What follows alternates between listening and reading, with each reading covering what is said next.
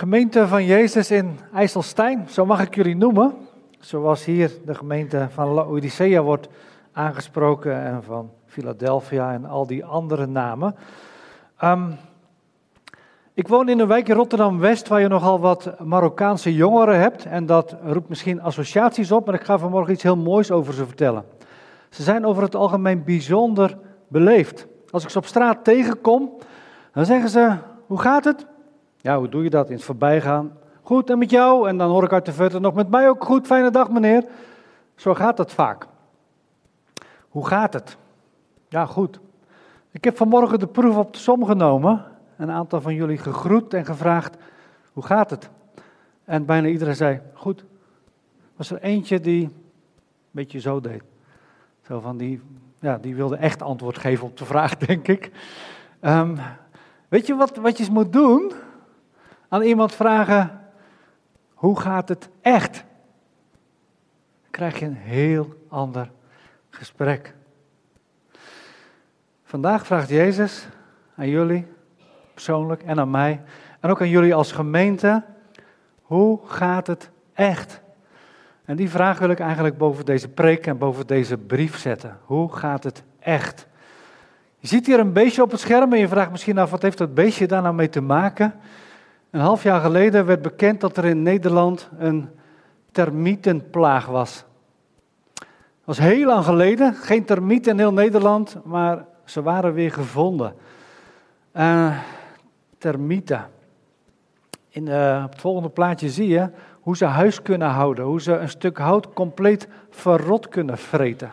Stel je nou eens voor dat er een hele uh, kolonie, zo moet je dat noemen, met termieten in een prachtige Zaanse molen zit, die helemaal van hout is gemaakt. En stel je voor dat je aan die molen kunt vragen, hoe gaat het? Goed, zegt die molen. Ik sta hier te stralen, prachtig geschilderd in het landschap, mijn wiekje draaien. Er is een rustig windje en de zon schijnt op mij. Het gaat goed. Maar als je aan die molen zou kunnen vragen, hoe gaat het echt? En je zou erheen kunnen kijken, zoals Jezus door ons heen kijkt. Dan zou het kunnen zijn dat die molen op elk moment in elkaar kan storten. Hoe gaat het echt? Nou, niet zo goed met die gemeente van Laodicea. We hebben vandaag de brief gelezen aan een gemeente die er toen was in het huidige Turkije. Toen werd het wel Klein-Azië genoemd, een provincie van het Romeinse Rijk. Er waren op zeven plekken groepen christenen die bij elkaar kwamen. Laodicea was een van die plekken. Als je er nu heen gaat, vind je opgravingen met uh, ja, heel veel puin ook wel. Maar je ziet ook wel hoe groot het geweest is. Dat je prachtige tempels had, prachtige straten, heel veel huizen. En uh, deze gemeente was dus ontstaan en krijgt een, brief van, ja, van wie? Laten we eens gaan kijken wie de schrijver van deze brief is. Dat is uh, Johannes. Je zou gerust kunnen zeggen, de beste vriend van Jezus. Niemand heeft dichter bij Jezus geleefd dan Johannes. En niemand krijgt meer te zien van Jezus en van de liefde tussen Jezus en de Vader en de gemeenschap in God en de gemeenschap tussen christenen dan deze Johannes. En de duivel had het naar zijn zin. Hij dacht, die hebben we weggeserveerd, die zit daar op Patmos. Maar juist daar komt Jezus hem opzoeken en geeft hem een prachtige openbaring. Als hij heel oud geworden is. Nou, dat hebben jullie waarschijnlijk allemaal gehoord in de inleiding. Dat is de schrijver van deze brief. Maar wie is eigenlijk de afzender? Dat is uh, Jezus zelf. Nou ja, zo wordt hij hier niet genoemd. Hij wordt hier genoemd Amen, de trouwe en betrouwbare getuige. En eigenlijk staat er drie keer hetzelfde, want Amen betekent het is echt waar. En trouw betekent, ja, ik, ik blijf trouw, ik, ik, blijf hetzelfde. De betrouwbare getuige. Drie keer hetzelfde. Het wordt drie keer onderstreept. Wat ik zeg, houd er rekening mee, want ik sta er volkomen achter. Het is echt waar. En het blijft ook echt waar. En dan wordt hij nog genoemd het begin van Gods schepping. kan er maar één zijn. Jezus die deze brief schrijft. En dan uh, het adres. Aan wie wordt die brief geschreven? Nou, dat staat erbij. Schrijf aan de engel van de gemeente in Laodicea. Best aparte term misschien, maar als je nou even weet wat het woord engel eigenlijk betekent in het Grieks, betekent boodschapper. Degene die Gods boodschap brengt daar in de gemeente. Nou, ik zie hier Ewald zitten. Als er post komt voor geloof in IJsselstein, valt het denk ik ook wel eens bij jou door de brievenbus. Gebeurt bij mij in ieder geval ook. Als er post komt voor Hart voor West, ja, dan sturen ze het naar mij. Uh, en ik mag het dan doorgeven aan mijn gemeenschap. En Ewald mag het doorgeven aan jullie. Hij is jullie boodschapper. Dus je zou hier ook kunnen lezen aan de voorganger van de gemeente van Laodicea. We weten niet wie dat geweest is, maar we weten wel dat die er geweest is. Maar ja, die voorganger moet natuurlijk de boodschap doorgeven. De brief moet gelezen worden als de gemeente samenkomt. En wat is dat dan voor gemeente? Nou, dat is de gemeente van Laodicea. Je moet niet denken aan honderden mensen. Het waren vaak huisgemeenten met 50, 100 mensen max. Zoiets zal het geweest zijn. Laodicea, we weten er best veel over uit de niet-Bijbelse geschiedenis. Er zijn heel veel boeken uit die tijd waarin gewoon dingen staan over Laodicea. We weten bijvoorbeeld dat er een bankwezen was wat flink floreerde. Je kon daar je, je geld beleggen in goud. We weten ook dat er uh, een, uh, een handel was en een fabrikage van luxe zwarte wollen kleding die daar gemaakt werd en die daar verkocht werd. En we weten dat je, als je iets met je ogen had, dan moest je naar Laodicea gaan. Ze hadden daar zalf die je ogen kon genezen. Zoals we tegenwoordig zeggen, als je iets in je oog hebt, dan moet je naar Rotterdam, naar het oogziekenhuis, vlakbij waar ik woon. Nou, in die tijd ging je dan naar Laodicea. En nog één dingetje, er waren warmwaterbronnen vlakbij Laodicea. Die waren ook heel beroemd, die waren geneeskrachtig. Nou, dat is even iets over de context van deze plek. Uh, het apart is, of het apart, het mooie, dat het ook allemaal terugkomt in deze brief. Dus Jezus wist wel aan wie hij schreef. Inderdaad, hij weet wie je bent, hij weet waar je woont, hij weet aan wie hij schrijft. Hier aan de christenen in Laodicea. En als hij later dingen gaat zeggen in deze brief, snappen ze onmiddellijk wat hij bedoelt. Daarom is het voor ons goed om iets te weten over die context. Ja, en dan de vraag: hoe gaat het? Als je die vraag krijgt, dan kun je zelf antwoord geven. Um, een soort van zelfdiagnose zou je kunnen zeggen. Het zou goed kunnen zijn, ik weet het wel, wel zeker, dat die mensen in Laodicea, als je die vraag zou stellen, hoe gaat het? Onmiddellijk zouden zeggen, goed. Wat is hun zelfdiagnose? Lees maar mee, de woorden zijn gekleurd. U zegt dat u rijk bent. Ja, deze mensen zijn letterlijk rijk. Ze zitten waarschijnlijk allemaal in de handel. Uh, het gaat goed daar. Laodicea lag ook aan een handelsroute waar heel veel mensen langskwamen om spullen te kopen en spullen te brengen. Dus ze hadden ook alles wat ze maar wilden. Dat kwam allemaal mee via die karavanen uit die tijd. U hebt alles wat u wilt. Ja, dat zijn de twee dingen die, die ze zeggen. Zelfdiagnose. Ja, met ons is alles goed. Niks aan de hand. Helemaal prima. We hebben het goed. En dan vraagt Jezus, maar hoe gaat het echt? En hij geeft zelf het antwoord. Want dat zullen de mensen in Laodicea misschien niet geven. Hoe gaat het echt?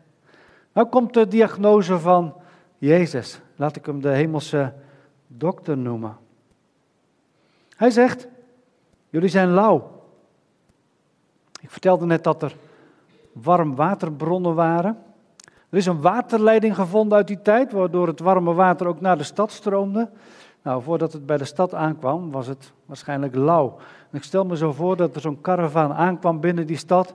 Mensen hadden heel lang getrokken door het woeste land in de brandende zon en ze kwamen eraan. En ze pakten even een, een drinkbeker om even lekker eh, te, drinken uit het water wat daar klatert. En ze pakken er wat van en ze drinken en... lauw water. Als je echt dorst hebt, is vreselijk. Je spuugt het uit. Nou, ik zou het denk ik wel doorslikken, maar Jezus zegt hier, ik, ik spuug het uit, lauw water. Dat wil je niet. Je wil fris, helder water. Jullie zijn dat, zegt Jezus. Jullie zijn lauw. dan zegt hij nog iets. Je weet niet dat je arm bent. Moet je je voorstellen in een stad waar de banken floreren, zegt Jezus. Jullie denken dat je rijk bent, maar je bent arm. En in een stad waar je het beste oogziekenhuis hebt van het hele land, zegt Jezus, jullie zijn blind. Terwijl je mensen kunt genezen van hun blindheid. En in een stad waar je die kledingindustrie hebt met hele luxe kleding, zegt Jezus, jullie zijn naakt. Nou, dit is de diagnose van de dokter. Dus eerst die zelfdiagnose. We hebben alles voor elkaar. Ons ontbreekt niets. Dank u wel dat u het vraagt, maar met ons gaat het goed. En dan de hemelse diagnose. En zo gaat het steeds in die zeven brieven die jullie gelezen hebben deze week. Je zou gerust kunnen zeggen, het zijn een soort röntgenfoto's. Of uh, MRI-scans of zo, die dwars door je heen kijken en precies zien wat er aan scheelt. Die ook de termieten openbaar maken, die er misschien wel in het leven van die mensen zijn. Conclusie. Het ziet er allemaal prachtig uit, maar jullie leven zonder Jezus. En nu de vraag aan jullie als gemeente allereerst. Lieve broers en zussen in IJsselstein. Hoe gaat het echt? Er kwam een keer een groepje voorgangers in een gemeente op visitatie. Is best gezond. Als je een keer bezoek krijgt van een aantal mensen uit andere gemeenten. Die, ik weet niet of het hier ook praktijk is, maar er zijn kerkverbanden waar dat gebeurt. Um, dan krijg je een paar predikanten of ouderlingen op bezoek en die gaan een aantal vragen aan je stellen. Eigenlijk een soort van, van uh, onderzoek van hoe staat het ervoor in deze gemeente? En dat gebeurde een keer en toen vroegen die visitatoren, die, die bezoekers, um, hoe gaat het bij jullie? En er kwam van alles langs. We hebben catechese, wel zeven groepen. En we hebben jeugdclubs en we hebben een koor.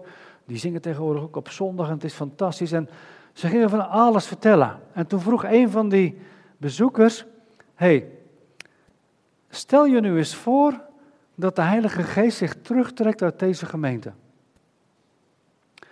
Hoeveel procent van jullie activiteiten zou dat dan gewoon doorgaan?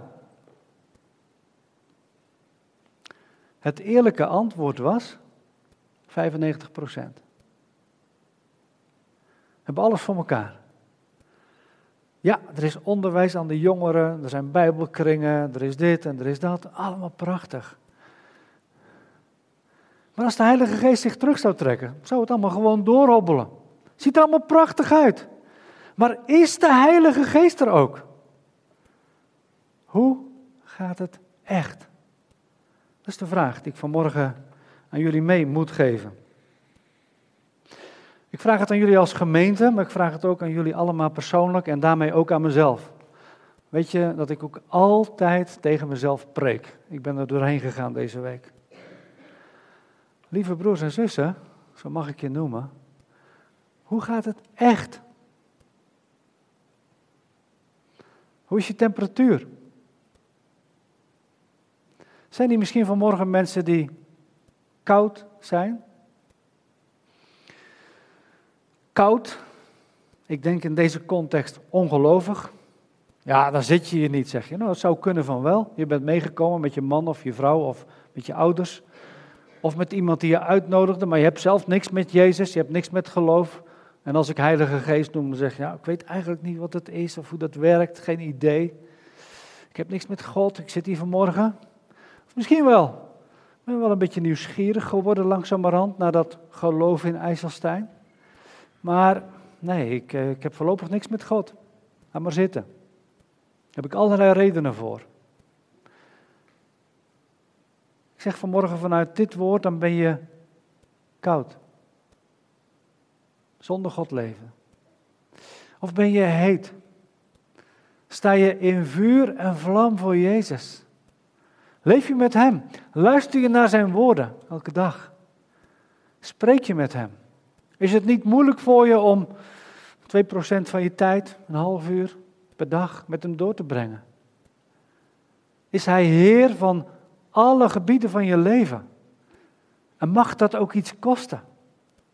Ik zou door kunnen gaan met dat soort vragen. Kun je echt met je hart zeggen, ja, ik ga voor Hem. Hij is voor mij, amen. De trouwe, betrouwbare getuige, dat is, dat is die voor mij. Hij is kostbaar voor me. Ik noem hem mijn redder, mijn Heer, eh, mijn licht, mijn, mijn rots op wie ik vertrouw.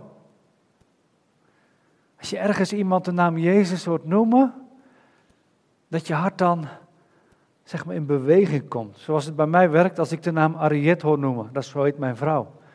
En als ik iemand die naam hoor noemen, dan denk ik, hé, hey, hebben ze het over de mijne? Ja, er zijn er niet zoveel van, dus het zal wel. Dan gebeurt er iets bij mij van binnen. Ken je dat? Als Jezus genoemd wordt, dat er iets gebeurt bij je van binnen, nou dan ben je heet. Dan heb je het geheim gezien.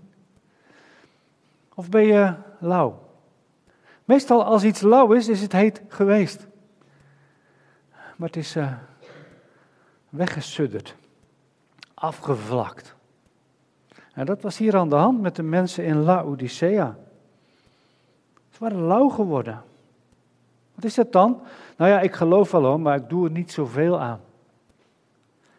als ik bij ons in de stad ben, zeg ik dan, dan ben je een Feyenoord-fan die totaal niet bijhoudt hoe het met Feyenoord gaat. Het interesseert mij ook niks, maar er zijn heel veel mensen om me heen die het wel interesseert. En je bent nooit naar een wedstrijd geweest en je kijkt niet hoe de uitslag van vandaag is en zo. Oké, ja, ik, ik ben wel van Feyenoord, maar ik doe er niet zoveel aan. Lauw. Of, ja, ik geloof op mijn eigen manier. Of, maakt toch allemaal niet zoveel uit hoe je nou gelooft, of je nou Allah noemt, of, of, of Boeddha, of Hare Krishna, of maakt allemaal niet zoveel uit. Het is allemaal gewoon, er is één God.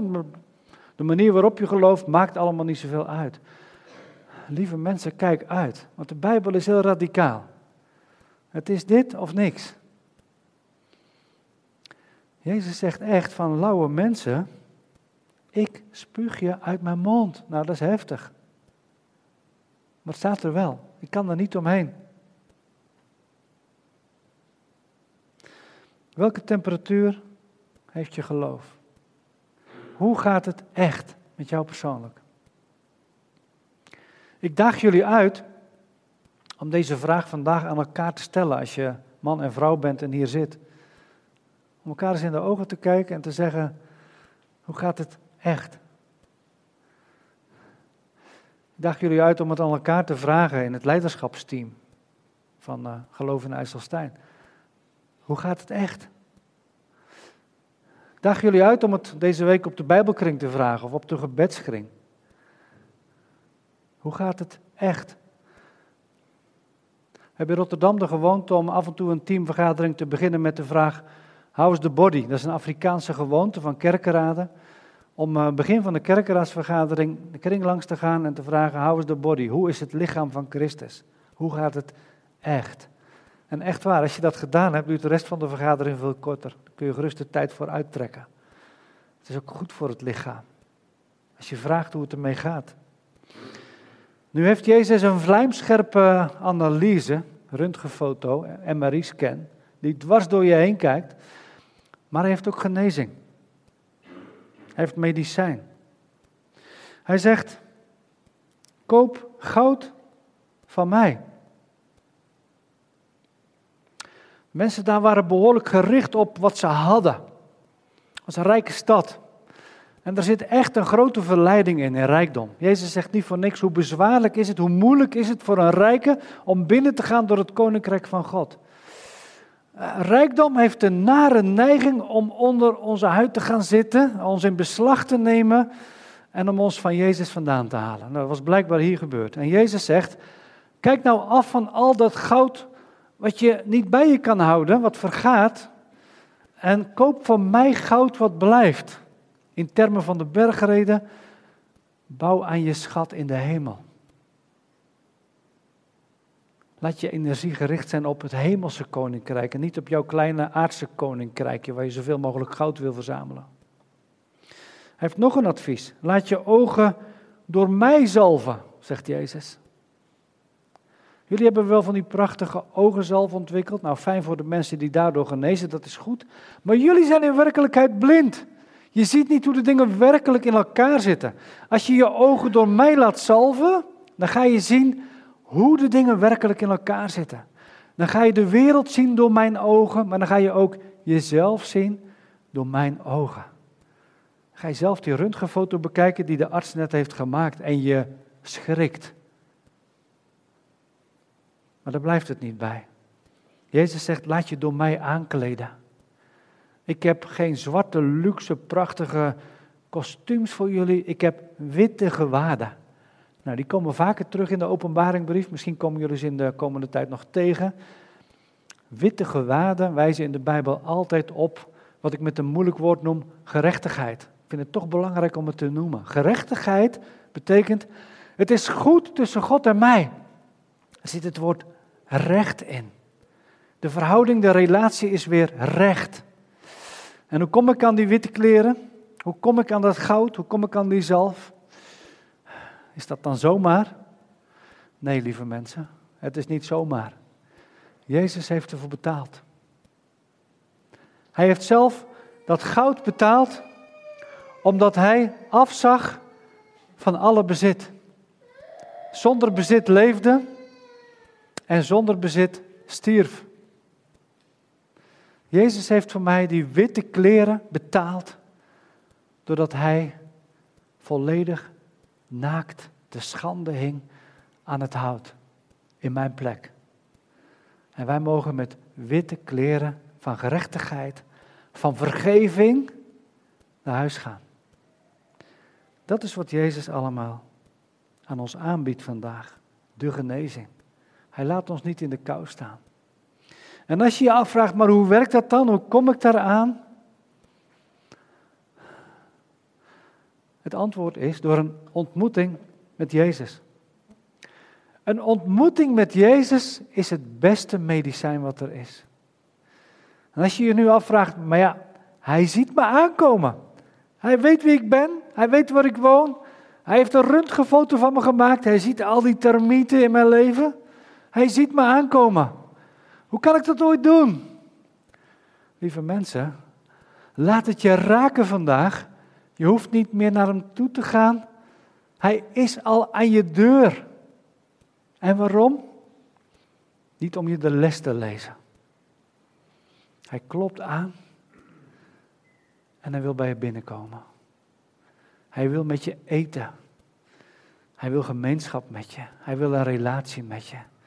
Hij wil weer opnieuw beginnen.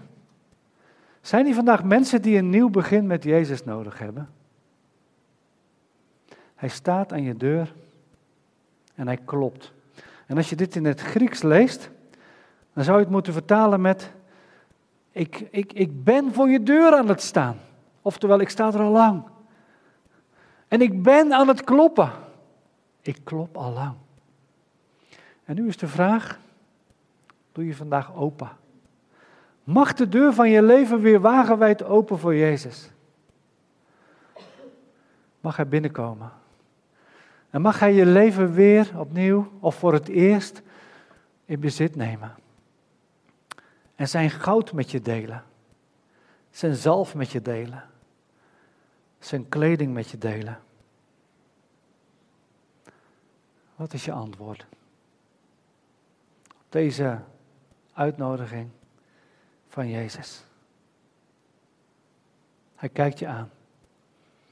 En hij vraagt, hoe gaat het echt? En als je vandaag eerlijk moet zeggen, er schort nogal wat aan bij mij. Dan zegt hij, laat me maar binnen. Amen.